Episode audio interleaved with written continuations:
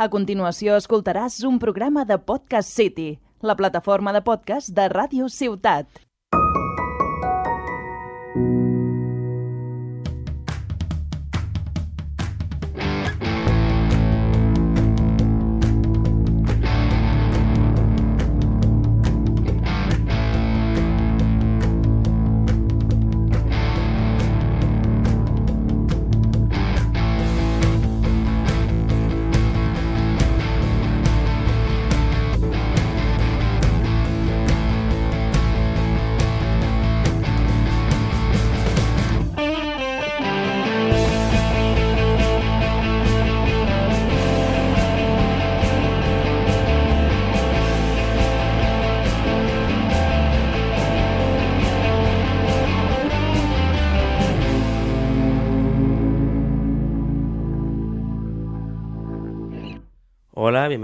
Pica, programa número 15, el segundo de 2022. Es verdad, ¿ves? Gracias. Aquí ya aprovecho para aprovecharlo. Está Paco, que se estrena también en la radio hoy. Bienvenido, Paco. Eh, mencionado anteriormente en, en este programa, pero la primera vez que aparece. Y la persona que me acompaña a mi izquierda es Aina, que Correcto. es tercera, tercera vez que vienes, cuarta. No es la tercera. ¿Tercera? La segunda que vengo de forma De presencial. Ama- Ahí hay gente que ha bajado de Barcelona hoy eh, a estar aquí con, conmigo para aparecer en este programa. Les he tenido que enseñar un poco la ciudad. Casi siempre íbamos por la parte alta o por la Rambla. Hoy hemos ido a la playa y han visto una playa que no está llena de gente y que, y que no parece una puta mierda como las que tiene allí en su ciudad. no Así es que una baza de aceites. No es una base de aceite, no tiene... Además, ¿me puedes explicar por qué en el paseo marítimo hay como una cosa que se mete que es de hormigón? Es feísimo. Una es- cosa que se mete que es de hormigón. Sí, no la voy a buscar ahora aquí, pero... Para, Pero para que- hacer más fácil el si tú bajas pero sí, desde la- sí, la, desde playa, la playa es fea. Sí, la playa es fea de Barcelona. Aquí es bonita y eso que no- han visto el Miracle. Si hubieran visto la rabasada ya empiezan a llorar y todo. Pero claro, aquí la gente de Barcelona después tiene que ir al norte en plan, wow, Costa Brava y se quedan flipando y se olvidan de la Costa Daurada que es la mejor.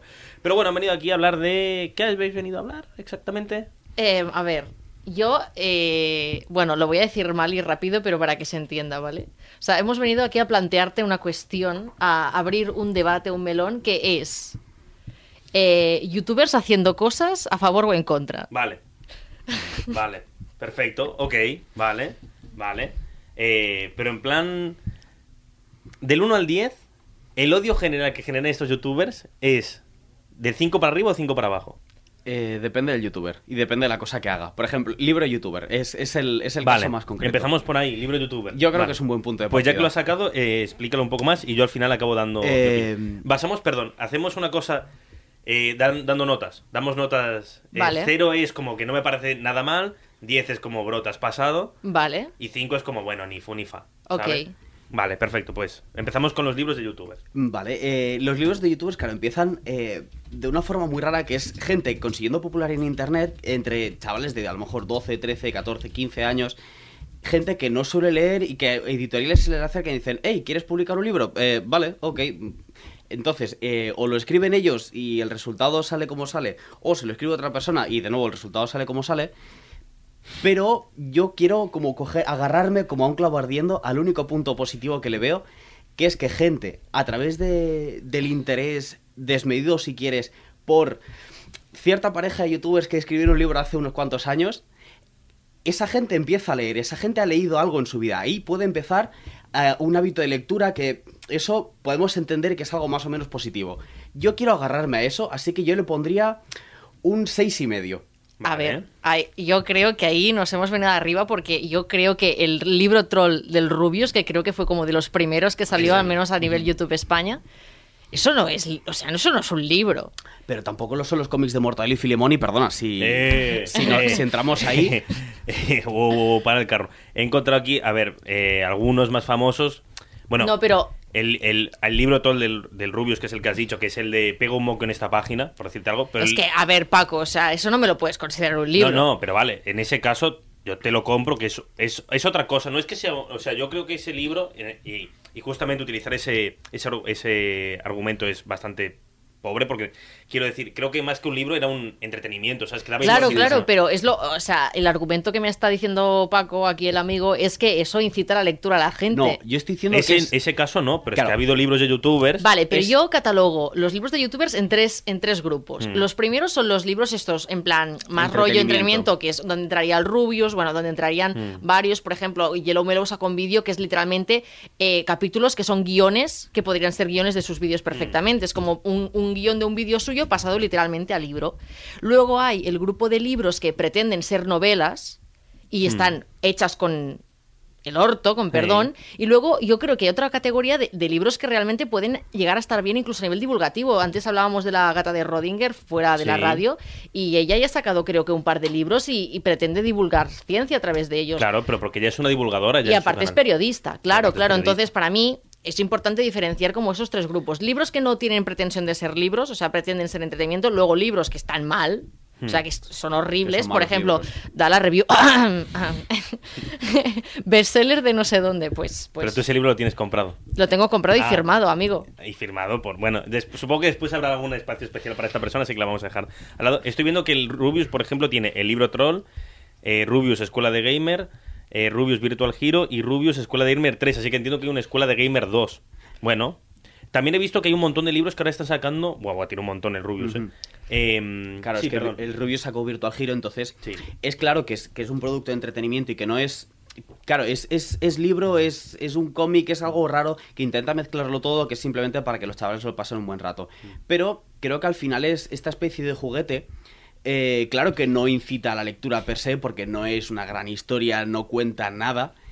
Pero, coi, al menos ya han cogido, ya han pasado un rato con un libro, ya puedes. Porque es no lo han forma- escrito ellos ese libro. Sí, sí, sí. Algu- sí, el de alguno- Wigeta tampoco. sí. Algún- claro, pero es que ahí estamos viendo que estas personas utilizan su su, eh, su, su personaje. Sí, y su fama que ya, porque son unas ventas aseguradas, claro. Pero es que estoy viendo aquí, mamita, ¿eh? me habéis hecho entrar en un mundo que me da mucha cosa. Porque, por ejemplo, el de pilotas, el Miquel Hostia. Montoro, ha hecho un libro. O sea, todo, Dios ha sacado un libro ya. es que es una cosa, estaba viendo antes que ahora lo hablamos de youtuber, pero todo esto que decimos de youtuber se puede extrapolar a TikTok, porque es ahora la cosa. o influencers también. Dulceida seguro que tiene un Pero libro. Dulceida es youtuber. Para mí, bueno, Ah, aparte bueno, sí, claro. Claro, me entiendes. O sea, su medio más conocido es YouTube. Oh, y Laura ¿eh? Escanes ha sacado unos libros increíbles, también te digo. Pero Piel esos de letra. Pero es de poesía. Bueno, sí. Eh, ojo, puedes decir mala, buena, tal. Pero el libro se entiende que lo ha hecho ella, ese. Poesía o. Bueno, vale, pues, que no sé yo de poesía y no he leído a Laura Escanes. No creo que sea mi referente. Literario, ¿no? creo que quien conozca este programa eh, no sabe que sabe que a lo mejor, pues no, no creo que digan, seguro que lee Laura Escanes piel de letra. Pero no quita que cuando hemos dicho tipos de libros de YouTube, por ejemplo, yo recuerdo como una moda ¿Mm?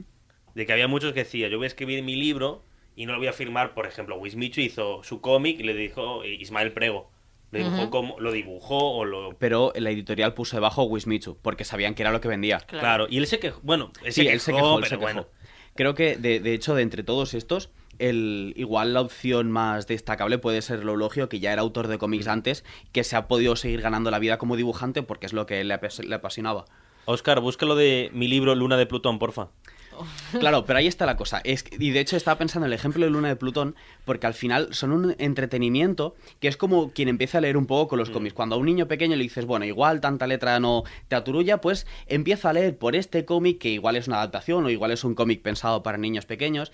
Ya es empezar en esto, ya es poder introducirle y hacerle ver que estar con un libro sentado a lo mejor un rato no es necesariamente pasar un mal rato.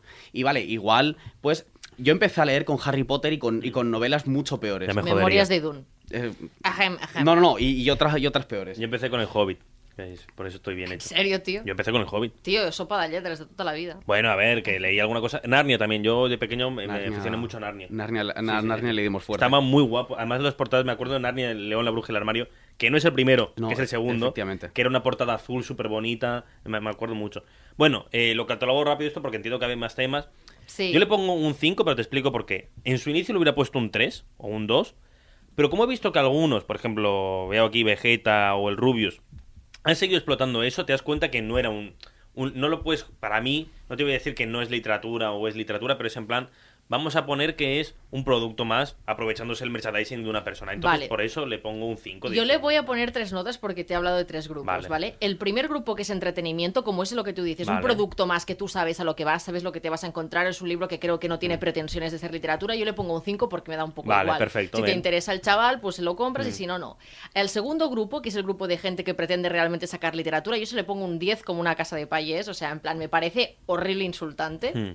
Y además, bueno, Ah, vale, perdón, me olvidé de ese grupo, sí, sí. También eh, un- rollo, porque además yo de esto lo planteé con Paco a partir de que estuve leyendo unos libros que provoqué a una chica, que la chica me cae todo bien, pero los libros son puto horribles y ya se cree que es súper buena escritora. Y Di es como- nombre.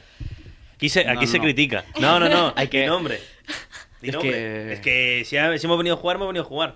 Mira, no, no es una chavala que, que- o sea, tiene seguidores, pero no, Sí, sí. no creo que la conozcas porque es del, del sector moda, se llama Rebecca Stones. Sí sé quién es. ¿Sabes quién es? Guapísima. Vale. Pues con 16 años sacó su primer libro y la verdad es que esta ¿Cuántos- chavala... Pero esta chica que tiene 17 años. 10. No, no, tiene ya 21, creo, Hostia. quizá. O sea, sí, es un par de años más pequeña No, que nosotras. ¿Es, es ¿Esta no es hermana de uno también que está por ahí? No, Porque hay no, uno no. que se llama Stones. No, Digo, no, pero, no, pero este es Stone is my name. Pero Vale, no, es hermano. Pero se llama Stones de apellido porque no quiere dar su apellido de verdad. Ah, que se llama Rebeca. Que, que he dicho que es guapísima, que es guapa la chica, pero Sí. sobre todo las fotos que sube en Instagram creo que están bastante bien hechas.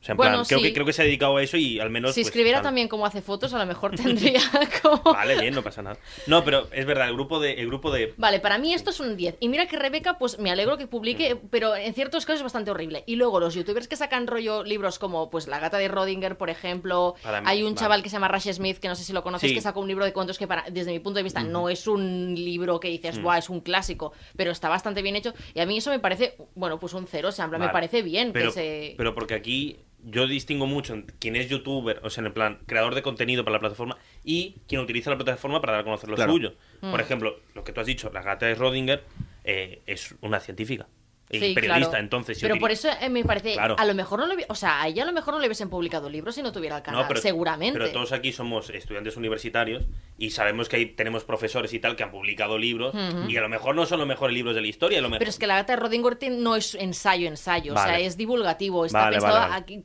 para a, a- a la gente de su audiencia. Gente que a lo mejor no es tan mayor, son chicos más y chicas más Vale, jóvenes. Pero claro, creo que aquí la diferencia está en lo que ha dicho Juanpi, que es el, el- alguien que publica un libro que realmente podría publicarlo por su cuenta y le han dado la oportunidad porque tiene este alcance, o gente que utiliza su plataforma para generar merchandising. Hmm. Yo creo que el, el problema de los YouTube, o, el- o, o a menos a mí lo que me rasca un poco de los youtubers haciendo cosas, es eso, es que te intentan vender algo como una forma un poco bastante descarada de sacarte, los- de sacarte el dinero. Porque sabes que al final eh, el, el- el merchandising de, de eso, de, de- del youtuber de turno, pues no va a ser nada que ni siquiera Claro, deje pero un pozo. A mí lo que me molesta es cuando este merchandising se intenta camuflar como no, no, he escrito un libro de verdad, ¿sabes? Ya. Porque lo del Rubius es muy evidente que es un, un- como una camiseta del Rubius, Claro, ¿sabes? es que ha habido, eso sobre todo al principio pasaba mucho, como cuando, que, que no sé si lo vamos a comentar, supongo que no, bueno, a lo mejor sí lo tenéis pensado, que es la gente que decía que hacía publicidad en sus vídeos, pero no lo no, no decía que estaba haciendo publicidad. No, ¿Sabes? Es eso- un poco de, bueno, sí. Llegó un punto que era como, bro, creo que, o sea, has escrito un libro muy guay, pero te han ayudado. O sea, en plan, y Hmm. tú no eres, eh, yo, a ver, gente que yo conozca de YouTube que haya hecho un libro, pues por ejemplo Jordi Wild, Sueños de Acero y Neón, Es el único que ha publicado, ¿no? Pues sí, eh, creo que es el único y en su momento, y además la forma de que tenían de promocionarlo era como van. La portada, yo recuerdo Sí. ver la portada y era difícil de ver. Era, ¿eh? era- era como un Blade Runner, eh, sí, pero bueno. Bueno, tú le has puesto a cada uno, yo Sí. comparto tu opinión, o sea, creo que los, hay que juzgarlo un poco más de manera abierta y no solo como libros Claro. youtubers tal. Sí, completamente. Eh, y sí, sobre todo creo que es para centrarnos en los youtubers que hacen libros, en plan, soy novelista, háztelo mira. Sí. ¿Vale? Eh, siguiente tema. Siguiente tema. Vale. Paco, ¿das tú o Eh, voy yo? da- eh, dale tú mismo. Vale, pues vamos a enlazar con Wismichu y vamos a hablar de las películas de los youtubers. No, pero esto, Ay. aquí no, aquí, aquí, aquí sí que no, porque yo solo conozco este caso, y este caso, creo que ni, creo que él, o sea, en plan, aquí le tengo que dar un 9. Un 9. ¿En De desacuerdo? cagada. No de cagada, pero es en plan, creo que intentaste una cosa que no has llegado, o sea, mirad el reper- la repercusión que ha tenido a día de hoy. No tuvo ningún tipo de repercusión, cero, ya está, o sea, en plan, ¿alguien vio el documental después, sinceramente? El que- Yo, yo ¿Y lo qué, vi. ¿Y qué tal estaba? Estaba bien. Pero en plan, With me, o sea, Wismichu yo no, ni sigo ni, ni soy especialmente fan de este tío. y yo, ha yo lo seguía, pero hace un par de años que como bro, ya... Yo no, o sea, no le he seguido nunca y la verdad ha hecho cosas que a mí, mm, la verdad, pues no es un pavo que me caiga especialmente bien. pero no me pareció mal. O sea, No, no, no, la, la, pe- la peli, o sea, lo que intentó hacer y tal, yo no digo que estuviera mal, pero sí que es como un... En ese momento, y a lo mejor ahora visto un poco más desde atrás, es como... Intentaste, intentaste pensar que te habías pasado el juego. Ya, Y la es que hay verdad un que es- poco. y- Wismichu es un poco prepotente. Es como que hay Sí, bastantes Es pretensiones que sí. y, este y chaval. sin, y sin criticarlo, porque es un tío que no me cae ni mal ni bien, pero es eso. Antes seguía, lo seguía un poco. Hmm. Me interesaban mucho los dramas que tenía en su vida, entonces pues a lo mejor le seguía un poco más. A todos nos gusta un poquito el salseo. Pero pero ya está, ¿sabes? Y, y creo que, y creo que intentó forzar un poco más la máquina de decir, vale, vengo a romper un poco esto y, y como nadie ni te ha seguido, la, nadie, nadie le siguió en plan, vale, guay, tío, pues has intentado, presentaste en Sitges y a tope, tío. Yo creo que el caso de, de, de es relevante y nos presenta como algo, algo interesante que es este, este encaje que veíamos también en los libros de gente que se intenta arrimar a la- que intenta arrimarse a la escuadra de esta gente, eh, ya sea por, por popularidad, ya sea porque realmente piensen que pueden aportar algo y claro, intentan aprovechar la influencia que tiene en redes y claro, con, con, con alguien que le interesaba el cine, dijo, vale, pues voy a intentar hacer una película que es el momento en el que un youtuber podría ser pasado, eh, podría pasar a ser más respetado, entre comillas. Y creo que lo que, lo que hizo, de- dentro de ser una provocación muy burda y, y no del todo bien pensada, aunque yo creo que la idea de Mm. sí que podría ser interesante, que es eso, que es decir, al final eh, el, el Festival de Sitges también tiene necesidad de, de darse publicidad, de darse a conocer, de llegar a otros públicos, de no quedarse en los cuatro frikis que les interesa, bueno, y a mí el primero que, me- que nos interesa, el cine de terror, el cine más fantástico, y de llegar más allá. Y lo que hace Wismichu es decir, vale, vosotros lo habéis hecho, pero lo habéis hecho de una forma, y, y- y a mí me pasa como a ti, Juanpi, que yo veía a Wismichu, pero hace ya años que no, que no lo veo, pero más que nada porque perdí el interés en él, no, sí, sin ya más. está, crecemos. Sí, sí. Es que muchas veces eso es como, bro. Yo lo único que sigo desde siempre es Alex el Capo, que tengo una foto con él y siempre lo digo. eh, pero, pero ya está, que, que- que- que no, o sea, no, no quiero criticarlo a él, porque creo que intentó hacer una cosa guay, pero es que me pasa un poco con él que es como, cree que sabe demasiado de muchas cosas Puede y, ser. y a lo mejor después le pasan un poco por encima. Puede ser. Yo no lo he seguido tanto como para Mm. decirlo, así que no, no me atrevería, pero creo que el caso de Alex el Capo que mencionas, eh, Siempre que hablo de Alex el Capo tengo que mirar al cielo. Eh, creo que creo la comparación es muy pertinente porque Alex es muy consciente de, de que él está en su rincón de internet, no Sí. quiere problemas, él quiere ganarse la vida tranquilamente, quiere evitarse todos los malos rollos Mm. que puede. Entonces él está en Mallorca, se, se ahorra problemas, no se mete en polémicas, mm, a veces sí, Bueno, pero, pero, bueno. pero siempre tiene razón. Eh, y luego está Wismichu, que Wismichu creo que intentó ir un poco más allá. Sí. Intentó, ya que eh, se le acercaban de esta manera, de una forma igual quiero recordar deshonesta, de decir, bueno, pues vamos a intentar eh, aprovechar el tirón que tú tienes en redes para que la gente venga a nosotros y poder mantenernos un poco en vida. Y eh, voy a denunciarlo, decir, vale, pues esto podría ser interesante, pero así no se hace. O eh, esta es la industria que aunque a nosotros nos guste mucho Mandy, por ejemplo, que se presentó en Sitges hace unos años, aunque nos guste mucho Mandy, cuando la gente que hay detrás de los festivales, en realidad le, puede, le da igual Mandy, lo que le interesa es que la gente vaya y el, y el producto que hay ahí detrás, que se, que se intenta mostrar o al que se le intenta dar una visibilidad, al final de- eh, acaba siendo lo último. Entonces, yo le daría, porque por un lado, es verdad que era una provocación muy, muy Mm. burda, que se Es- veía a lo que, lejos perdón. que era malo. Es que además en este caso nos hemos centrado siempre en la figura de Wismichu porque no recuerdo a nadie más que haya hecho algo parecido. No, es cierto que sí que es verdad que ha habido youtubers que han tenido pretensiones como, bueno, pretensiones, la intención de hacer como cosas más serias y hacer a lo mejor cort- cortometrajes y tal, pero nunca que yo sepa llegar al nivel de presentarlo Claro. en un festival como Sitges. Mm. O sea, era como No, no, no, más... yo no, yo no conozco ninguno. A lo mejor alguno dedicado al mundo del cine, o sea, pero en plan, porque por ejemplo yo re- Jordi Maquiavelo, creo que lo conocemos todos, que creo que sí que le está más metido en la industria del cine, pero creo que tampoco ha, produ- ha producido nada. no, o sea, no. creo que algún, no sé, da igual. Se dedica más al análisis, tengo entendido. Sí, entonces, como no se puede juzgar a otras personas, juzgamos Ah, sí, a, sí. a- a este, al Bocadillo, ¿no? Que se llamaba así. Sí. Sí. Pues yo a Bocadillo, a Bocadillo, lo que salió en Sitges hay que darle un 10.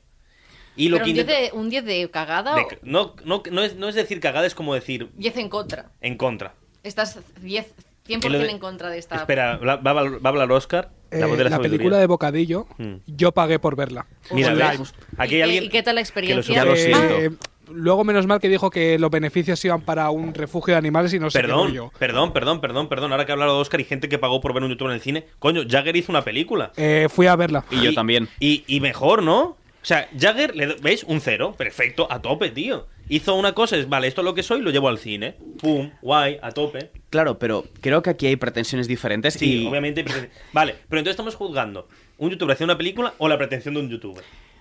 es que igual son casos muy diferentes. Ya. Por eso eh, es, es- es ver este encaje entre el mundo youtuber y el mundo que, aje- que, que- que continúa ajeno a los youtubers fuera. Entonces, Jagger hizo un vídeo largo con todos sus personajes y eh, lo presentó y nosotros fuimos y pagamos por ver la película de Jagger porque era Mr. Jagger. Eh, a mí me gustó, es verdad que luego la ves en tu casa y dices, pues igual es un vídeo largo y no es de los mejores. Ya, Yo, vale. yo solo tengo una pregunta para Oscar. ¿Cuánto pagaste para ver la peli de Wismichu? No, no, te No escucho, se te escucha. Ay, ¿eh? perdón, eh, no recuerdo si fue un euro o cinco, no me acuerdo. Bueno, vale. Pero fue algo barato, fue algo barato. Ah, vale, digo. Vale, vale, a ver, perfecto. Si Wismichu te hubiese cobrado como 15 euros para ver su película, entendería como la indignación. Voy, voy a Barcelona, le busco y le quito los tatuajes a puñetazos. Pero habiendo pagado un euro o cinco, yo le doy un 5. Vale. Porque me da bastante igual, porque Gusmicho en general me la suda. Sí, me es que hizo es eso. gracia verlo desde Me- mi a casa. mí, a ¿sabes mí, me, que mí me, a mí me la suda. Eh, vi bocadillo, me, me la salté a trozos y digo, aquí hay algo que no estoy entendiendo, no, no veo el humor. Pero si, sinceramente, la- la- el, el- el recuerdo que nos queda esto es como, vale, lo hiciste, pero es que, bro, nadie se acuerda porque lo has mencionado tú ahora, pero tú crees que, o sea, ni eso. Me- Recuerda más la gente que fue a la resistencia y rompió una taza. Es verdad. Porque es así, porque le gusta hacer eso, le gusta como forzar un poco más. Pero si no te sigue nadie, ¿qué importa lo que fuerce, sabes?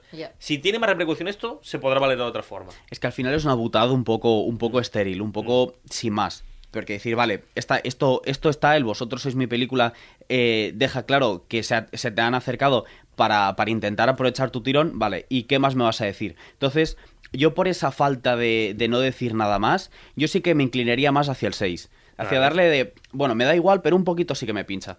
Vale, perfecto. ¿Otro tema? Y de hecho, enlazando con esto, eh, yo diría el, el- el tema.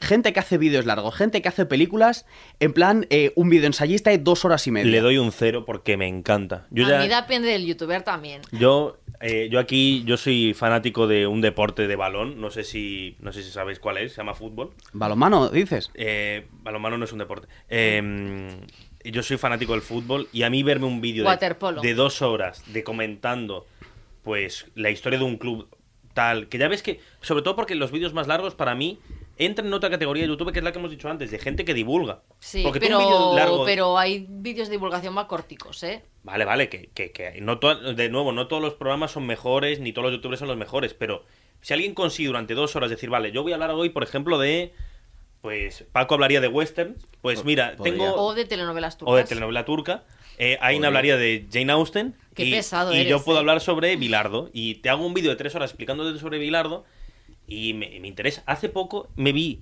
cuatro horas de una saga de vídeos sobre la historia de Undertaker dentro de la WWE.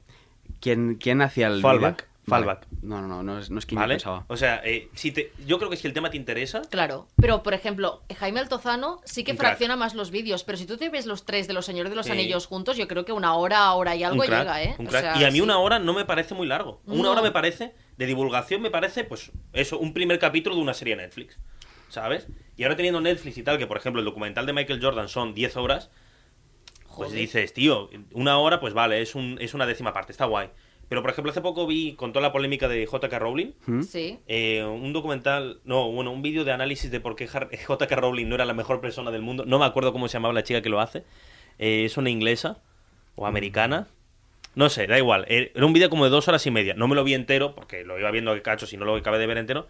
Pero me parece perfecto, tío. O sea, Claro, es que aquí está la cosa, porque eh, creo que igual podemos distinguir entre documentales y lo que son videoensayos. De gente que, vale, te voy a defender la tesis. La tesis es igual que, eh, eh, por ejemplo, la, Encantadas, la, esta adaptación de Brujas de hace 20 años, que salió en la televisión aquí en Telecinco.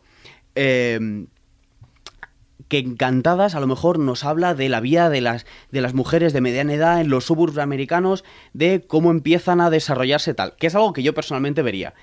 Y luego está el documental de voy a coger la historia de este club perdido en, eh, a lo mejor, Inglaterra, en un pueblo o, o- o en Escocia, que tiene esta relación con esta gente que vino eh, emigrada a, a Escocia porque en, en su país de origen había un conflicto bélico y, y esto y esta influencia se ha mantenido. Creo que hay que diferenciar un poco entre estas dos, entre estas dos vertientes de el, el- el documental y el videoensayo. Porque en el videoensayo creo que hay mucha gente que igual a veces se tira, se tira a la piscina de formas curiosas y claro, te pueden defender a lo mejor durante dos horas y cuarto o dos horas y veinte una tesis que puede ser muy interesante. De hecho, eh, ahora el ejemplo que más reciente que se me viene es un, es un videoensayista americano llamado Dan Olson que habla sobre los NFTs y empieza con lo que a mí me parece la explicación más concisa y a la vez más completa sobre la crisis inmobiliaria de 2008.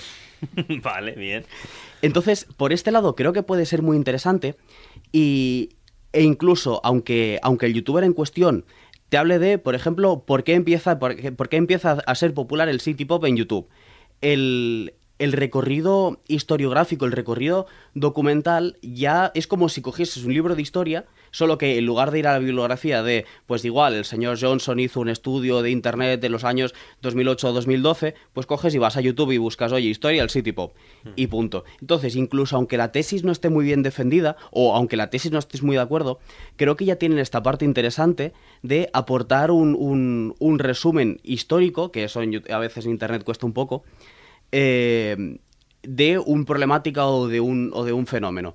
Entonces yo por ahí estoy de acuerdo. Los documentales yo he de confesar que no he visto tantos. Así Cono- que... ¿Conocéis a Tamayo? Sí, Vale, Tamayo, que ¿ves? se infiltró en la, En la secta. en la secta esa, o sea, Mm. en plan, a mí eso me parece tonal. Pero ahí, ahí no estamos hablando de... Es una serie larga, vale, entiendo. No, sí, pero es en plan más lo rollo documental, Pero Tamayo sí. después tiene... eh, tiene vídeos un poco más... No, hizo uno hace poco. Bueno, creo que fue en... en, en en- pero ves que es que hay gente en YouTube que es muy buena. Y, Claro. este, y este hombre es muy bueno. Si me Ujú. escucha, por favor, que venga aquí un día porque es para entrevistarlo. Que hizo una entrevista a un hombre que había estado preso en Siria. Eh, no, en Siria no había sido. ¿Dónde sé? Bueno, que estuvo eh, eso, eh, secuestrado durante ocho meses, nueve meses. Un videazo que flipas, un curro impresionante. Y bueno, es, es así. A mí le ha durado un vídeo. A mí me gustan los vídeos largos, pero ya porque ya hago todo de modo podcast yo. Ya. Entonces, eh, No, sí, en general, o sea, los youtubers como que se intentan currar más allá, o sea, porque yo cuando entré en YouTube era como muy la ola del tag, ¿no? Sí. Todo el mundo hacía el tag de no sé qué, el Sí. challenge de no sé cuántos. Y es como que a partir de cierta de cierto año, Mm. que yo creo que fue hacia 2014 o así más o menos, que empezaron a subir un montón de youtubers que tenían algo más que decir, ¿no? O, o sea, tenían conocimiento sobre algo, por ejemplo, Jaime Altozano de música, la Gate Rodinger sobre ciencia, La media inglesa, eh, Quantum inglés. Fracture, eh, C de Ciencia, eh, TER sobre arquitectura, o Mm. sea, es como que empezaron a salir youtubers que en realidad venían a hablar de, de cosas concretas de, de su conocimiento. pero Jaime Altozano no es el Altozano bueno. El Altozano bueno es Dayo, que es el primo que hace videojuegos. Que este fue de los primeros que yo empecé a ver que hacía análisis un poco más largos, tal y cual. Y, y, bueno. bebiendo, bebiendo también de, de los, de los youtubers americanos donde esto salió igual un poco antes. Sí. Pero aún así, creo que a veces esto igual ha permitido que gente se suba al carro y empiece a hacer vídeos que realmente no tienen mucha sustancia. No, claro, pero eso como todo. Sí, O sea, entonces a mí lo que me molesta un poco es cuando es, es, es, es que a veces se flipa la gente un poco más y dices, igual crees que un vídeo sobre el, el- el- la importancia de las mesas o el diseño de estas mesas dure 50 minutos, podrías haberlo hecho en 30, pues entonces igual va A siendo mí, hora de a mí es que como me gusta también hablar mucho y me gusta alargarme, soy bien argentino en eso, eh, que dure más, tío. A mí todo lo que dure... pff, Y es como también, o sea, han empezado como a tener podcast, ¿no? Y formatos entrevistas, o sea, Mm. Sí. no, no sé cuántos youtubers ahora tienen como un formato. Y luego hay eh, formatos que son más interesantes y luego tenemos, no me acuerdo cómo se llama el chaval que entra- entrevistó a Naim Reich y de ahí salió la... El Mosto Papi. El, El Mosto Mosto Papi, Papi. que dices... Claro, sí. eh, Pero, pero Mostopapi, a pesar de que yo no, no, no, me- no, no creo que sea tan positivo la cosa que hace, que hay gente que te lo decía como bro, pero está guay lo que hace. Ya, bueno, creo que no. Creo que no, creo que no tanto.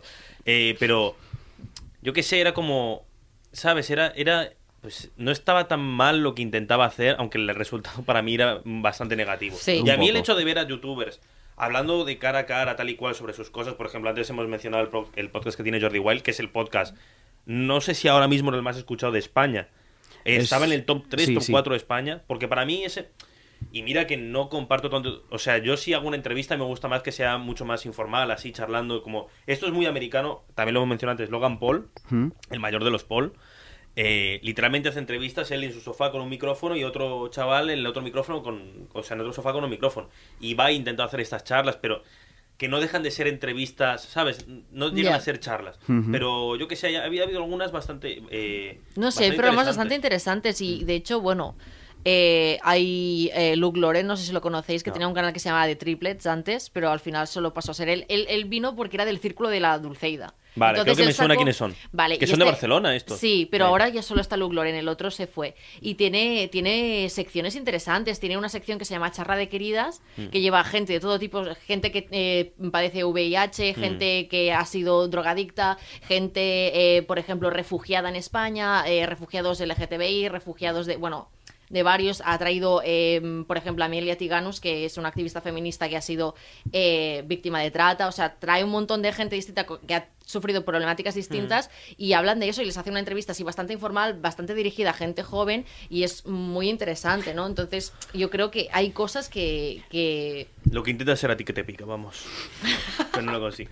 Yo aquí quiero hacer un pequeño inciso, que es preguntarme por la influencia y por el impacto que tienen estos productos en, en, en la esfera externa a, a YouTube, en la sociedad que hay fuera de esto, porque al final creo que, sobre todo gente, al menos yo hablo por, en, en mi caso, aquellas personas que pasamos mucho tiempo en YouTube, al final creo que acabamos sobredimensionando un poco esta, este, este, esta influencia o estas entrevistas y no sé hasta qué punto el, el que hable de el que hable de a lo mejor una persona refugiada, una víctima de trata, acaba llegando acaba llevando a, a gente que no suele ver estos vídeos o no sé hasta qué punto Mira. Esto es tiene que eso es impacto. la cosa, es que el Luke Loren, o sea, Charla de Queridas es una sección, pero él habla de moda, hable Mm. de- o sea, habla de cosas más como mundo dulceida, ¿sabes? Y luego decidieron sacar esta sección con un tono desenfadado, pero como más seria. Entonces, claro, yo creo que fue muy bueno porque el tipo de audiencia que seguía a Luke Loren creo que no es el tipo de audiencia que busca sobre esas cosas.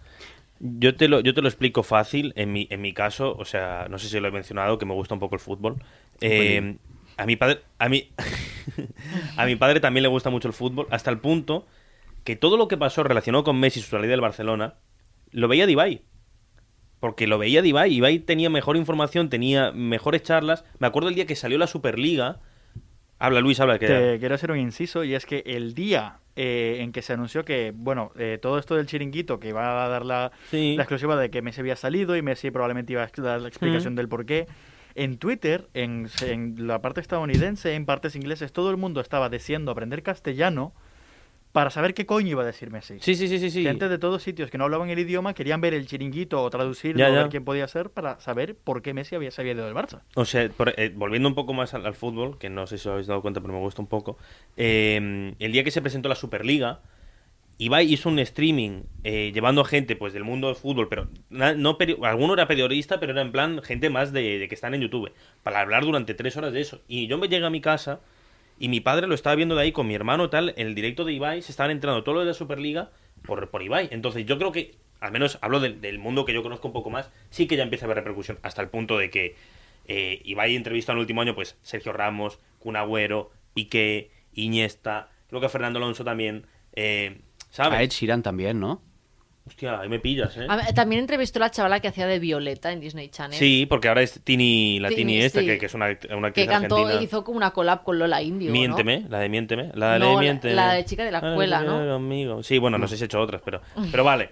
Yo este tema, yo es que soy muy fan, entonces le doy un cero.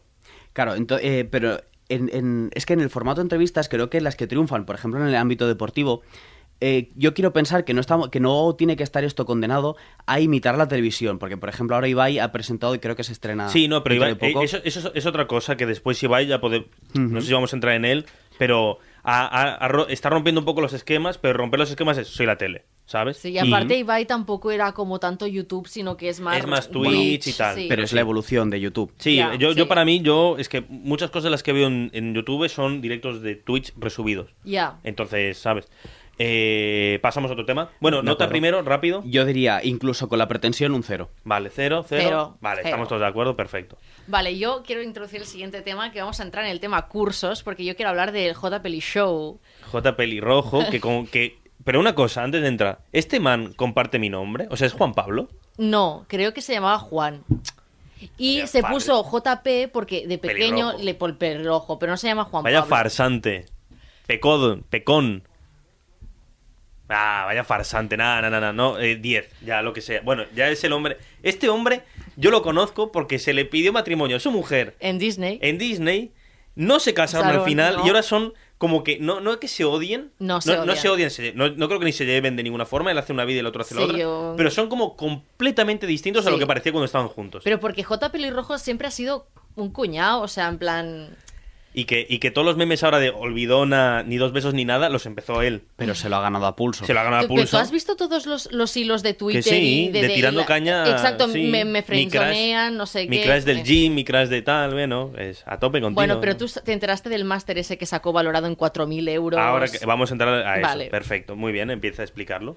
Vale, bueno, básicamente este señor se plantó. Yo esto lo conozco por la gata de Rodinger porque yo. eh, Mm. Porque lo, lo, lo, lo habló, lo habló. Exacto. sí. Y, y yo porque con ese señor había cortado. ah, Cuando JP eh, cortó con Roy Larreto o al revés, yo corté con él. Le también. pides matrimonio a tu mujer en Disney y no te casas, tío. Es que es que mal, lamentable. mal, mal. Oh. Bueno, pues sacó un curso eh, supuestamente valorado en 4.000 euros que te enseñaba a ser feliz. O sea, es que este señor, el- voy a por ello a tope, Voy a por ¿sabes? ello, sí, sí. Entonces se ve que hizo una estrategia muy ruin que era empezar haciendo eh, un grupo de WhatsApp gratuito para sus mayores fans. Ahí les empezó a dar la turra y les dijo que si no podían pagar ese importe es Mm. porque realmente no querían hacerlo. Y empezó, bueno, a hacer un montón de chantaje emocional, de manipulación, porque claro, a todo esto los chavales que siguen a JP yo no sé qué edad tienen, pero creo que muchos menores de edad siguen este Es señor. lo, que, es lo que decía la gata Y de hecho creo hay testigos de gente que salió en Twitter a explicar que había estado en ese grupo y la clase de cosas que decía que, bueno, porque JP estuvo una época viviendo en la calle porque se piró de su casa, entonces si yo he vi- vivido en la calle y he conseguido mis objetivos, tú puedes pagar los 4.000 euros de mi, de mi Sí, curso, ¿no? o sea, sí, sí, sí, la- Porque además te ofrecía una, una rebaja impresionante, bueno, en fin. Eh, entonces, claro, tenemos cosas así. Y ahora yo no quiero ser pesada, pero Jaime Altozano, por ejemplo, ha sacado varios cursos de música Sí. ha sacado cursos de entiende la música clásica y ha sacado cursos para aprender a tocar el Mm. piano. Entonces, es como que me parece que una cosa está a las antípodas de la otra, Claro, ¿no? pero es que, pero es que en el caso de J. Pelirrojo, creo que estamos todos de acuerdo que roza la estafa. Sí. ¿Sabes? O sea, es que es Sí, una sí, cosa que, correcto. que yo puedo decir, da mucho cringe, me da mucho Cringe. asco, ¿sabes? No, Sí, no, sí. pero es que estamos hablando de un pavo de que se está aprovechando de su posición para estafar a gente. Básicamente. Entonces, uf, Y- porque creo que el curso no se llegó ni a hacer nunca. Sí, sí, sí se ha hecho. Y ha habido varias promociones, creo, Hostia, yo incluso. pensaba que al final no se llegó ni a hacer. No, no se hizo, se hizo. Y, Y después también está toda la vertiente de youtubers que son chamanas. bueno, chamanes, chamanas, está el caso del famoso, coño, ¿cómo se llama ahora? Eh, el, que, el que enseña a ligar. El, el Oh. Salvador, Sal- ¿se llama Salvador? No, Pero, pero, pero. ¿Sabes quién digo? Yo no, yo, es decir, conozco los anuncios es que todo también, en hablado- Instagram. es que o en también he Twitter, hablado, lo voy a buscar un segundo. Sí, sí, sí, habla. Pero, pero ¿en qué momento hemos eh, Claro, es que yo creo que todos estos casos, eh, Jaime Altozano no, Jaime Altozano es alguien que tiene conocimientos y, y- Claro. y avalan todos sus vídeos. Entonces, por ahí, con él ningún problema. Pero creo que... Pero JP es muy feliz. Sí, felicísimo, se le ve, solo hay que ver las Sí, sí. stories de Instagram. Está ultra feliz el chaval. Eh, tan feliz como una lata de Red Bull. Eh, pero bueno, el, el caso es que creo que todos estos casos al final acaban rozando la estafa. Sí. Porque si te venden una piedra con en- no sé qué energías o, o- o esta esencia de no sé qué... Pero eso existe paralelamente a YouTube. Sí, Me- sí. Hay gente que no es youtuber que se ha dedicado a eso todo su, toda su vida. Pero creo que a esto, y esto me lo contaba porque la verdad es que eh, esta, esta especie de youtubers chamanas no, no, no es el, el rincón de YouTube que- por el que yo suelo transitar.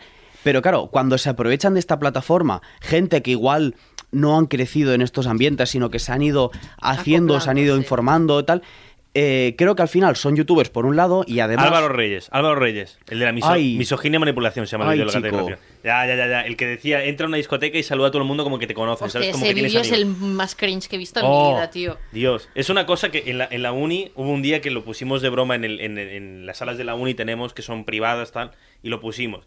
Y cuando lo pusimos, uno que un colega, un colega nuestro entró y dijo, es más fácil que os pillen viendo porno y explicarlo que explicáis esto. O sea, estamos hablando de, de- de un nivel de que dices, no quiero ni que me relacionen con esta persona. es que de verdad. Entonces, por eso, yo creo que si roza la estafa, como es el caso de, de, de J. Pelirrojo, o cosas, esto, de enseñarte No, no, es que no roza la estafa. Bueno, sí, ro- sí. Es una a ver, estafa. claro, al final sí, porque nadie te puede enseñar a ser feliz. Aunque te digan curso tal, bueno, al final, pf, yo qué sé, o sea, no, no, no te puedo decir que es una estafa en el sentido de, vale, desde, desde fuera lo parece. Obviamente no te puede enseñar cómo ser feliz, pero en el sentido de, si al final tú firmas unas cosas y te dice, eh, vas a ser feliz, no desde pequeña, no vas a ser feliz con este curso, ¿sabes? No te, estás, te están estafando, pero yo qué sé, ¿sabes? Es para no meterme legalmente a llamar estafadora a J. Pelirrojo. O demuestra tú que eres feliz o no. Claro, demuestra eso. Y en el caso de Jaime Tozano es que me cae muy bien, tío. Pero Jaime Tozano seguro que después mata bebés o algo así, ¿eh? No puede hacerlo todo perfecto. No puede. No. ¿Sabes? No puede. Todo perfecto, no. Efectivamente no. Pero, pero aquí yo, o sea, J. Pelirrojo, además ahora sabiendo que no se llama Juan Pablo, 10. 10 y la policía podría hacerle algo. 10, 10 a No sé. JP también. Y, Alba, y Álvaro Reyes. Pero, pero Jaime Lozano un cero. Claro. Claro, claro, pero es que. pero que Pero, flipas. pero, pero sí, sí, es que también he habido algunos cursos. Hay gente que hablando. Y el señor ese de el inglés no se enseña Pero bien. eso no es. Eso son anuncios. Eso, son- eso- eso es una cosa que es una pirámide, porque son estafas piramidales. Creo que Tamayo tiene un vídeo hablando de eso también, que, que hay algunos que, bueno, alguno, alguna razón sí que tiene un poco, pero aquí ya entramos a gente que te promociona un curso de cómo ser youtuber. Y que, bueno, ¿sabes? Hay gente que, hay gente que, que piensa que hay una fórmula para ser famoso en internet y te la quieren vender cuando no existe. Hay que tener un, suerte y, y constancia, para mí al menos. Próximo tema, Paco, te toca a ti. Mm, escoge tú un tema, ya que no... Yo un tema. Sí, algo que te dé mucha rabia en YouTube. YouTube. Sobre YouTube. A mí no es que me dé rabia, o sea, hay muchas cosas que me dan rabia de YouTube, pero a lo mejor eh, me meten preso si las digo. Seguro que hay algo que te, que te hace, que te provoca bilis, que te da, que tienes ahí un fuego ardiendo en ese pecho. Es que a mí me. A mí me. Ahora que hemos hablado un poco de Ibai, a mí Ibai me encanta. ¿De No, lo- no sigo su contenido, ¿eh? O sea, me, me gusta como persona y creo que ha hecho una cosa muy positiva para, para todo el mundo, que llega un- es una persona que tu padre puede ver y decir, vale, o sea, puedo medio entender, o sea, en plan, no comprendo del todo lo que estás viendo, pero puedo, o sea, es un tío que no lo... que Cuando nosotros empezamos a ver YouTube, yo os voy a contar una anécdota que es, hubo un día que yo estaba viendo eh, a Willy Rex jugando a Call of Duty, debía ser 2011, 2012, O a Minecraft. Sí, en el ordenador de mi. eh, no de mi padre, pero sí en el ordenador que teníamos en el salón, que era comunitario. Y apareció mi padre por detrás y dijo: ¿Quién es ese? En plan, ¿con qué amigo estás chat? ¿Sabes? Como que vi la camarita y pensó: Estás hablando con alguien. Y yo le dije: No, no, no. Bueno, yo le mentí, creo que le dije: Es un amigo mío de Noruega, tal y cual. Y, y han pasado los años, y ahora creo que ven Ibai y lo, y lo ven como alguien. Ah, coño, Ibai está en. ¿Sabes? ¿Qué está haciendo Ibai? O mi madre ha llegado a ver algún streaming de Ibai. Eh, las campanadas no es que las viéramos con Ibai, pero son conscientes de que Ibai las está haciendo. Entonces, guay. Pero hay una cosa nueva que ha llegado que son los eventos. Y ahora hay un evento cada día. O sea, eh, Y las series. Las series, los eventos. Que al final, esto lo decía el otro día Alex el Capo, que es que al final lo que estás haciendo es construir una especie de, de, de ecosistema de youtubers metidos en un mismo bote, que lo que estás creando es pues un sálvame al final.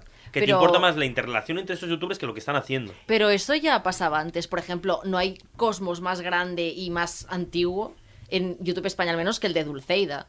O sea, Dulceida se montó ahí una estructura que es el Dulce Weekend. Nunca llega... La marca de moda, o sea, tiene una tienda de ropa, sí, sí. tiene perfumes, tiene maquillaje, tiene en plan... Y luego toda la gente alrededor de Dulceida se ha hecho famosa y se ha hecho youtuber también. Por supuesto. Y, no- luego estaba el, el viernes 13, que estaban ahí todos los youtubers metidos en una casa, no sé si te acuerdas. No. No, esto es de JP, Pero, pero ¿eh? claro, estamos hablando de, de una que han llegado repercusiones de que lo eh, de, de- de muy tochos ahora. Que de nuevo es eso, es lo de siempre, ¿no? Pero es como ahora son todos, todos, todos tienen sus eventos, todos tienen tal. No me, no me quejo de eso, es que no, no- no me estoy ni quejando, estoy diciendo, joder, ¿a dónde estamos yendo? Eh, ¿Sabes? O sea, en plan, y, ¿Dónde y- no me parece ni mal donde estamos yendo, ¿eh? Pero es como, ¿sabes? Están pasando cosas que al menos yo desde fuera es como, wow, ¿sabes? Como, Creo que, creo que la diferencia con, con los eventos estos que mencionabas, Aina, que, que yo eh, personalmente no conocía, y, y- y las series que mencionas ahora, es el alcance que tiene YouTube o Twitch ahora eh, respecto al que tenía en 2012. Porque mientras que en 2012 igual los que lo veíamos en su gran mayoría éramos chavales de 14, 15 años, eh, chavales muy jóvenes que íbamos al colegio, que teníamos mucho tiempo libre y entonces eh, podíamos generar mucho engagement, pero con contenido orientado, pues claro, hacia esos rangos de edad. Hoy en día igual podemos ponérnoslo de fondo mientras estudiamos, o igual podemos ponérnoslo de fondo para cualquier cosa. Eh, claro, por un lado, eso, tenemos mucho más tiempo y nos relacionamos de forma distinta y pedimos contenidos distintos y puede existir Ibai, Tamayo y Jordi Wild, eh, pero a la vez creo que también ha llegado un montón de gente que ya ha crecido con YouTube e incluso con Twitch. Entonces, eh, es necesario para, para también para mantenerse un poco, porque al final nadie vive del aire, eh, que tienen que hacer todas estas series. Pero, y, y- y yo aquí sí que tengo, y, y tengo que meter un punto de nostalgia, que este no es el YouTube con el que muchos crecimos. Mm. Claro, eh, para mí YouTube es, es gente, precisamente lo que decías de Alex el Capo, un señor que está en su vida, que está en su, en su casa, Sí. con su pareja, haciendo directos de los juegos que le interesan y va para adelante. Y se meterá en, en algunas política- en polémicas y en otras, pero es como que él existe y es como, vale, yo quiero crear esto y esto es lo que a mí me gusta. O eh, otra gente que decía, no, no, es que a mí me gusta editar y entonces te voy a editar estos montajes de, de esta racha de bajas que he tenido y voy a interaccionar o, o voy a crear algo de lo que genuinamente pueda estar orgulloso. Y ahora es lo que tú decías, es generar toda esta toda esta red de creadores que, que tiene mucho que tiene mucho trabajo detrás Sí, sí. y no hay que y no hay que menospreciarlos pero es diferente se nota que es mucho este ecosistema este poder vivir este al- modelo de vida al final tú estás vendiendo el ecosistema y no lo que estás vendiendo. Claro. Estás vendiendo el ecosistema. Y se, y se vende las relaciones entre youtubers, se vende todo eso. Que no digo que esté mal ni nada, pero eso, que como está habiendo un cambio. Y está ahí. Pero si vamos a criticar cosas, pues la... Ay, ay, qué manía con criticar No, a ¿Quieres a saber una cosa que me da mucha ¿eh? manía que hagan los youtubers? Mm. El, el- me voy de YouTube y al cabo de dos semanas están subiendo un vídeo otra vez de rollo he vuelto. Pero, pero eso es que eso es, de nuevo, es si empezamos a hablar del salseo, de, de, de cómo tal, es que sabes, es que vale, mira, venga, da la review, a tope. Tío, pero da la review, sí, se ha montado un salame increíble. Claro, pero es que Dala Review es un tío que al final acaba in- instrumentalizando todo un... ¿Sabes? El tío es un... Mí es un genio, sinceramente. ¿Cómo, ¿Cómo puede estar viviendo lo que está viviendo y sin que nadie y sin que nadie vaya a su casa a, a prenderle fuego? Sinceramente. ¿Sabes? Que tiene gente que de verdad lo apoya. Es increíble. Pero Sí, bueno, sí, sí. quitando eso, estar a favor o en contra, obviamente solo hay un lado bueno y todos sabemos cuál es. Pero... Tío, poder mecanizar todo eso es, es joder, es como, wow, ¿hasta dónde hemos llegado? ¿sabes? si se ha tenido que ir de España, tío. Bueno, que sí, que, que a tope, que no vamos a entrar aquí a criticarlo porque vamos a estar cinco horas y no vamos a sacar nada que no sepamos ya. Que es... De hecho, yo quiero preguntaros ¿qué, qué, qué consecuencias creéis que tienen los actos de estos youtubers, sean eh, a gente como, como eso, como Dallas en, en su vertiente más deleznable, por decirlo suavemente, o eh, el, el- el vender estas relaciones entre, entre streamers como ecosistema, el venderte este ecosistema como forma de vida, por decirlo de Eh, alguna manera. ¿Crees que eso tiene alguna consecuencia real en la gente que, que los ve? Es que, es que. Mira, Luis, eh, ¿quiere decir algo? La tiene. Yo creo sinceramente que la tiene. Y pensar que vives en un... Vamos, te lo voy a poner de esta manera. Eh, Platón. Platón concebía que tienes un mundo de ideas y un mundo físico. Perfecto, increíble. Ahora mismo el mundo de las personas es el mundo real, que es deprimente, toca los huevos y tienes que ir a estudiar o tienes que ir a trabajar. Y está el mundo online, el mundo donde puedo ser quien me dé la gana, y el mundo donde yo veo que las personas, eh, alias los youtubers, son una cosa increíble. o Personas que no me encuentro nunca, claro, porque son todos personajes, son todos... eh, y ya no vendes eh, un un servicio como un trabajador, ya no vendes un producto. Ahora llega un momento en que lo que se comercializa en redes sociales eh, es la propia pers- la personalidad o la persona en el sentido de que al igual la persona que ves en la cámara no es la, la- la persona que es en verdad.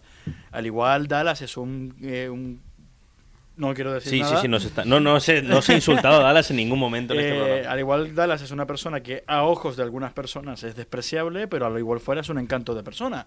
O al igual es mm, comete atrocidades con conejos. No, no sé qué decirte.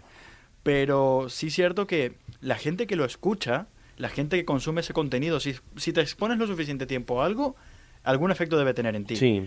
Eh, que no quita que, aunque el tío pueda tener unas opiniones un poco erradas o un poco Complicadas. polémicas.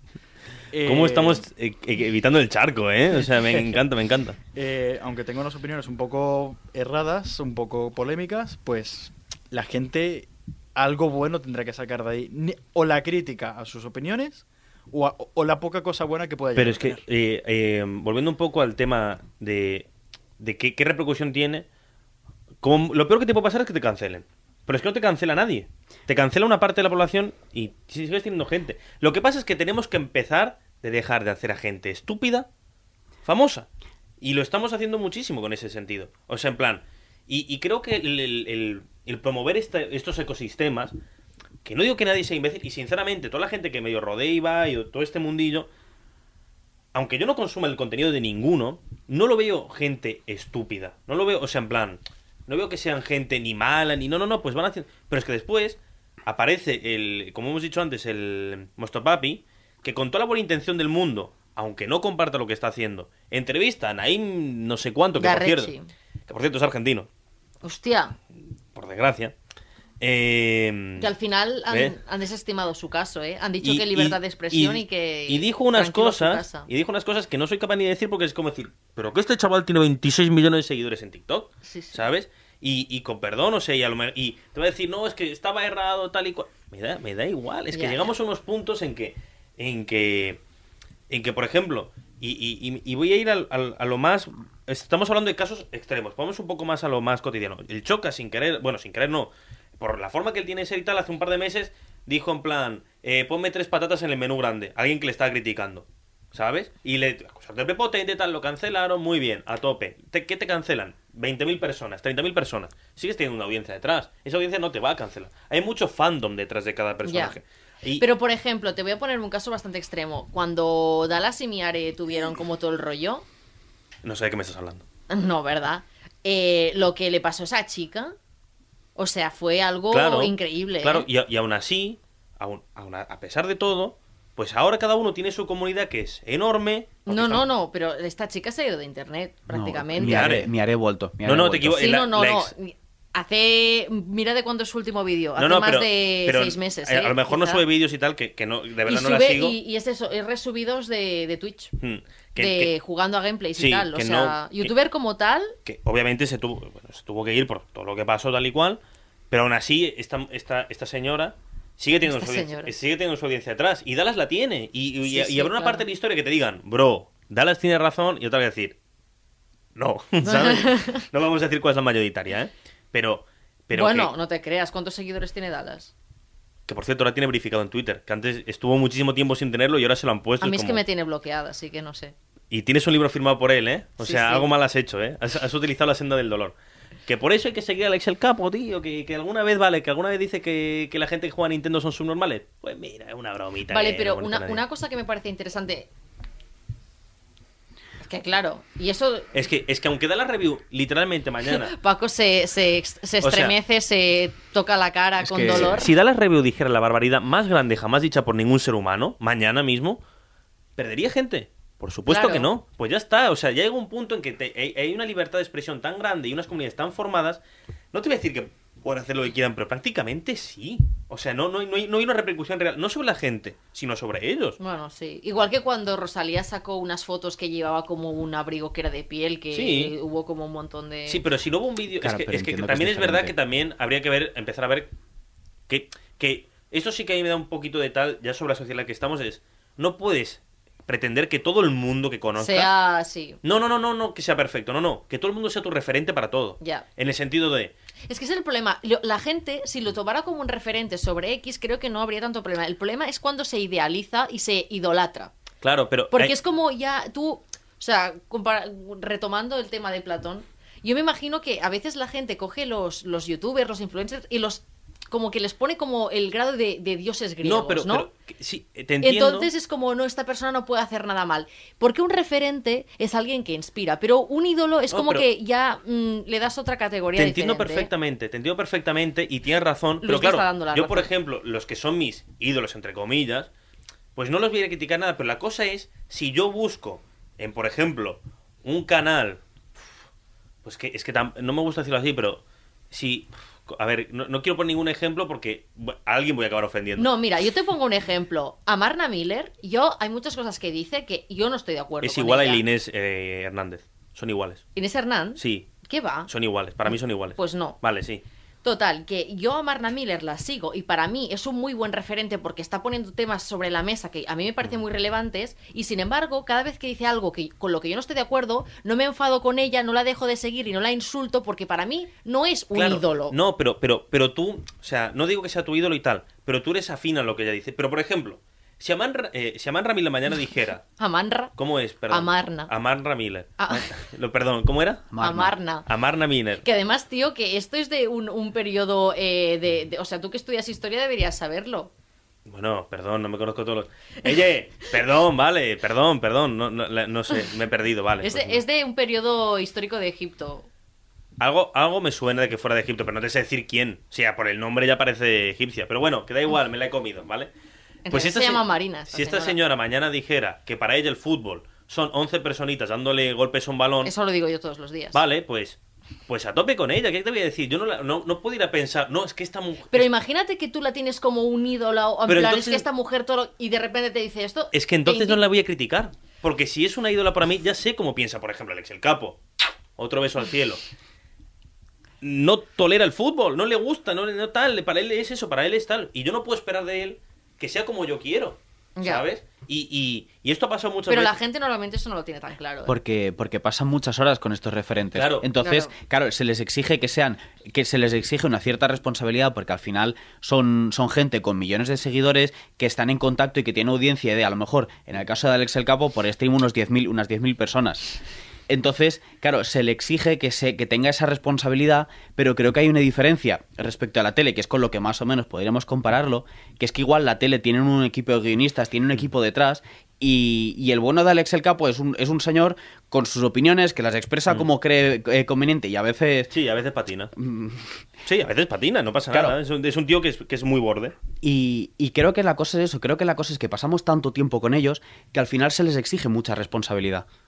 Eh, te digo una cosa, y es que la, la, la autenticidad vende ahora. Sí. Claro. La autenticidad de los youtubers ahora, por eso Dallas gana tanta, tanta audiencia, por eso Alex el Capo gana tanta audiencia. Son personas que, a ver, pueden ser un personaje, pueden ser, se lo pueden haber inventado, te pueden estar mintiendo a la cara, pero el hecho de que la persona parezca auténtica, que parezca una persona, una interacción verdadera, que dé una opinión que cualquier persona pueda tener eh, y que no se sienta como influenciada, parcializada, eso vende, a la gente le gusta, a la gente le gusta la gente auténtica, como, por- como lo que te como lo dije antes. Eh. Es un mercado de personajes y encontrar una persona verdadera entre todos esos eh, es, es encontrar mina en una, una mina de plata. Claro, creo que, creo que tienes toda la razón, pero creo que esto nos lleva a consumir una autenticidad prefabricada, que es que esta autenticidad tiene que ser, tiene que pasar por estos puntos, cumplir estas acciones y tal.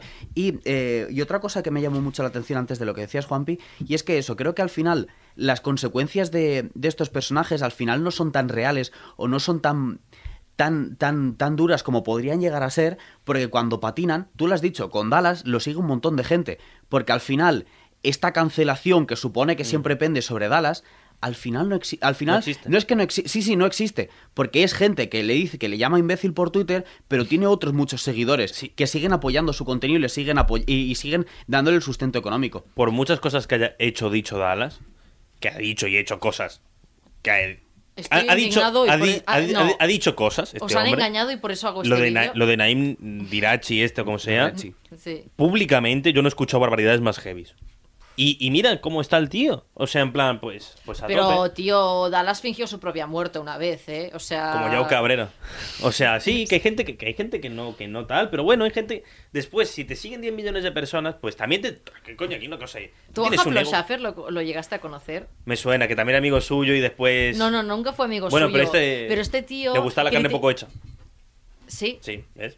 y no ha vuelto, ¿eh? No, este bueno, sí que no ha vuelto. Bueno, porque algunos no vuelven y, y, yo qué sé, pero por ejemplo, el caso de Willy Rex ahora, tío. Willy Rex ahora promociona NFT.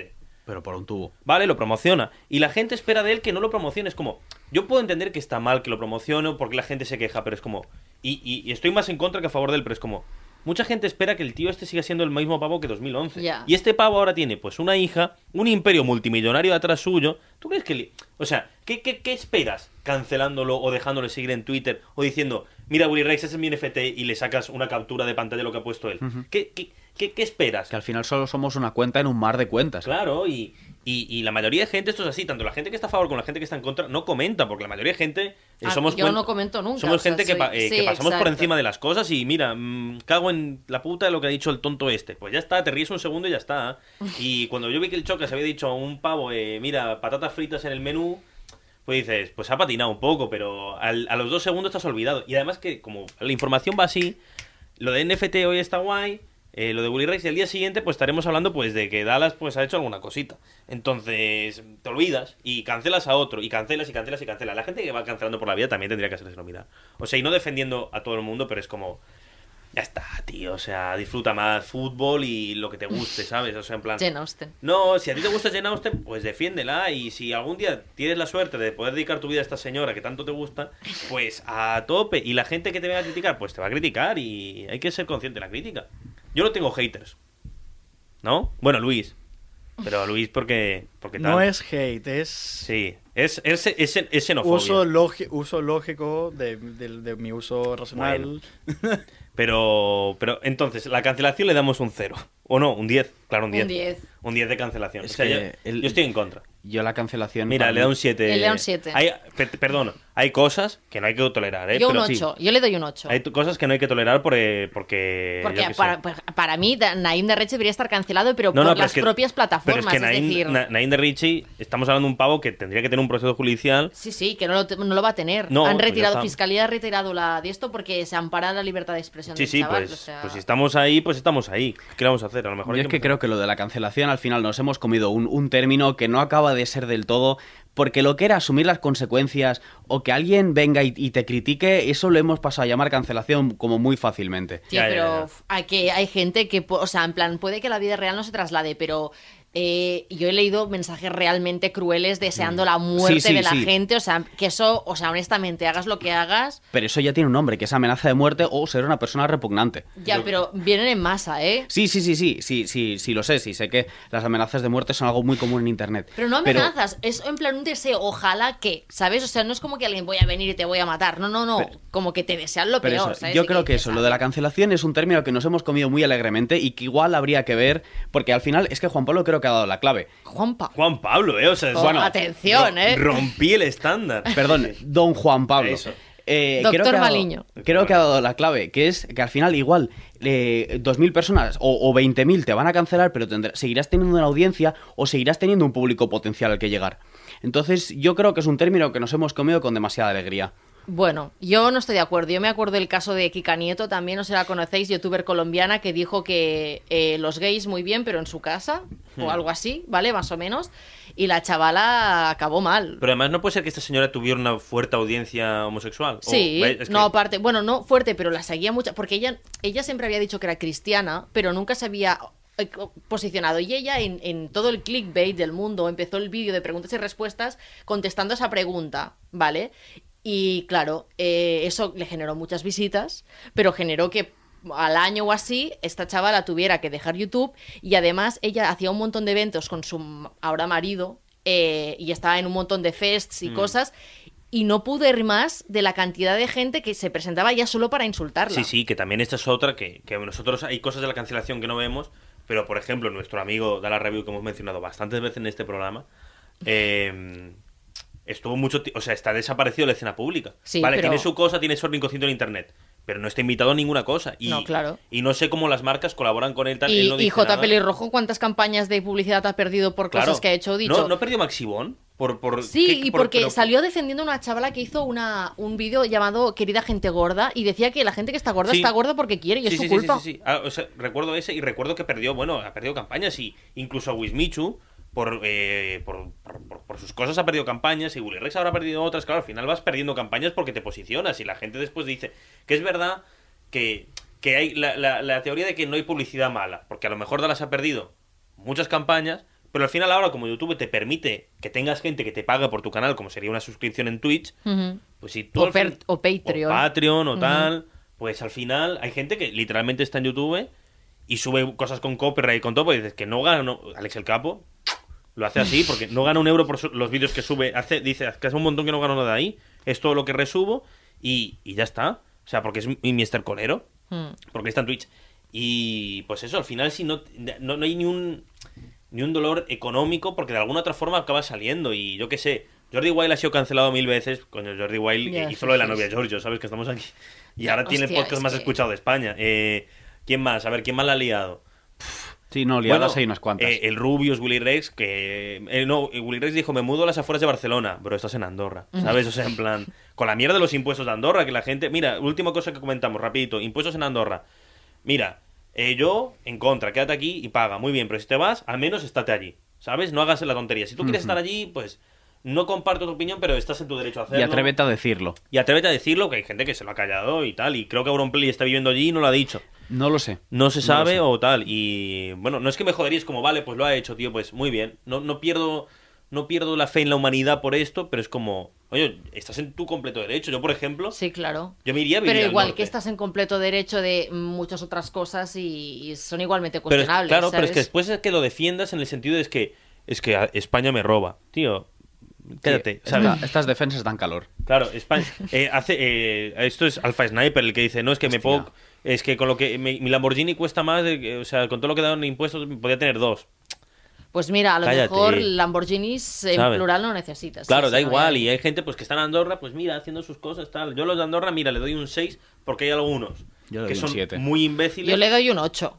O sea. Sí, no, es, es verdad, creo que el 8 es... Pero es que, pero es que yo a- yo admiro la sinceridad de algunas personas, que la de los demás. Pero que sean sinceras si quieres, o sea, me sigue pareciendo mal. Es como, tío, mm, tú. Bueno, habrá casos en los que no, pero tu familia está viviendo en España y tus impuestos sirven para que tu familia pueda ir al médico, pueda Ya. gozar de todos los privilegios Sí, que supone, ¿sabes? O sea, sí, es que después es muy gracioso porque porque porque no tiene aeropuerto en Andorra y tienen que bajar a España a coger aviones y Pero tú es- sabes que en Andorra además no hay jubilación, no que hay ya, pensiones, que- no hay que- nada, que, hay yo que no- mueres del asco. Que yo no me iría. Bueno, yo me iría a algún lugar donde hubiera montañas, no me iría a Andorra. Pero porque me gusta el frío y, soy, y si fuera millonario, me iría a un lugar que hiciera frío.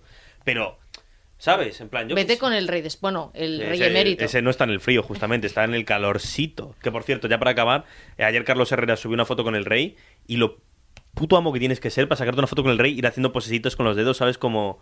Pum, pum. ¿Sabes? Pum, pum. Es el rey de España, ¿sabes? Da igual. O sea, aunque no estés a favor. O sea, él está a favor de la monarquía, por supuesto. Pero hacerte una foto como, hey, el rey es mi pana, está guapísimo. Y no sé, yo lo concluiría por aquí. Hemos puesto notas bastante parecidas los tres. Mm. Eh, en general nos gustan las mismas cosas. Más o menos. Eh, No, al- el fútbol no.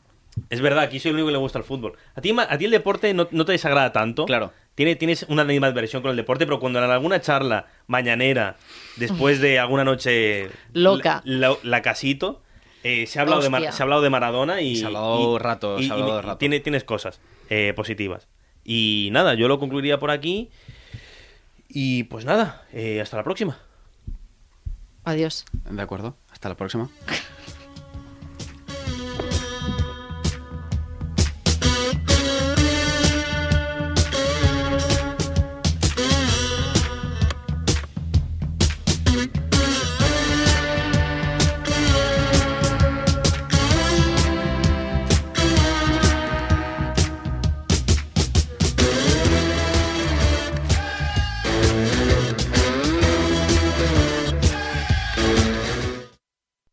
Has escoltat un programa de Podcast City, la plataforma de podcast de Ràdio Ciutat.